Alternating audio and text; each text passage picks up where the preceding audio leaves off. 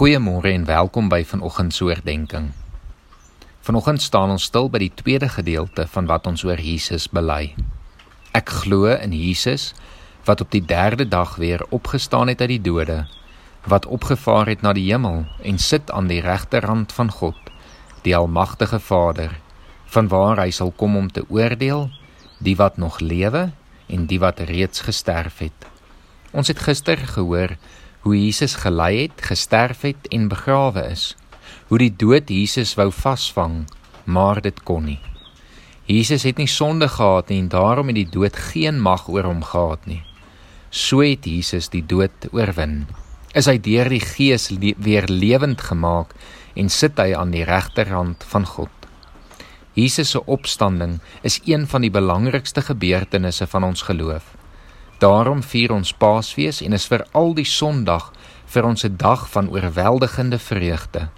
Dit is Jesus se opstanding wat vir ons betekenis aan ons geloof gee. Hoor hoe stel 1 Korintiërs 15 vers 17 dit. En as Christus nie opgewek is nie, is julle geloof waardeloos en is julle nog gevange in julle sondes. Die laaste vyand wat vernietig word, is die dood.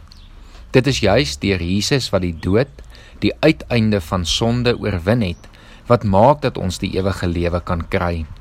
Daarom lees ons later in 1 Korintiërs 15 vers 54 tot 57: Die dood is vernietig. Die oorwinning is behaal. Dood, waar is jou oorwinning? Waar is jou angel? Die angel van die dood is die sonde en die sonde kry sy krag uit die wet van God. Maar ons dank God dat hy aan ons die oorwinning gee deur Jesus Christus. Jesus het beloof. Hy het opgevaar om vir ons plek gereed te maak. Hy sit aan die regterhand van God. Oor die regterhand posisie kan daar ook baie gesê word, maar eenvoudig opgesom is die regterhand van God 'n simbool van God se krag, sy verlossing en sy genade. Jesus regeer van hier saam met die Vader en eendag sal ons volgens Matteus 25 ook aan God se regterhand staan tydens die oordeelsdag.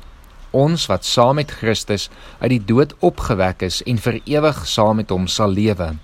Daarom het ons niks te vrees vir die oordeelsdag nie.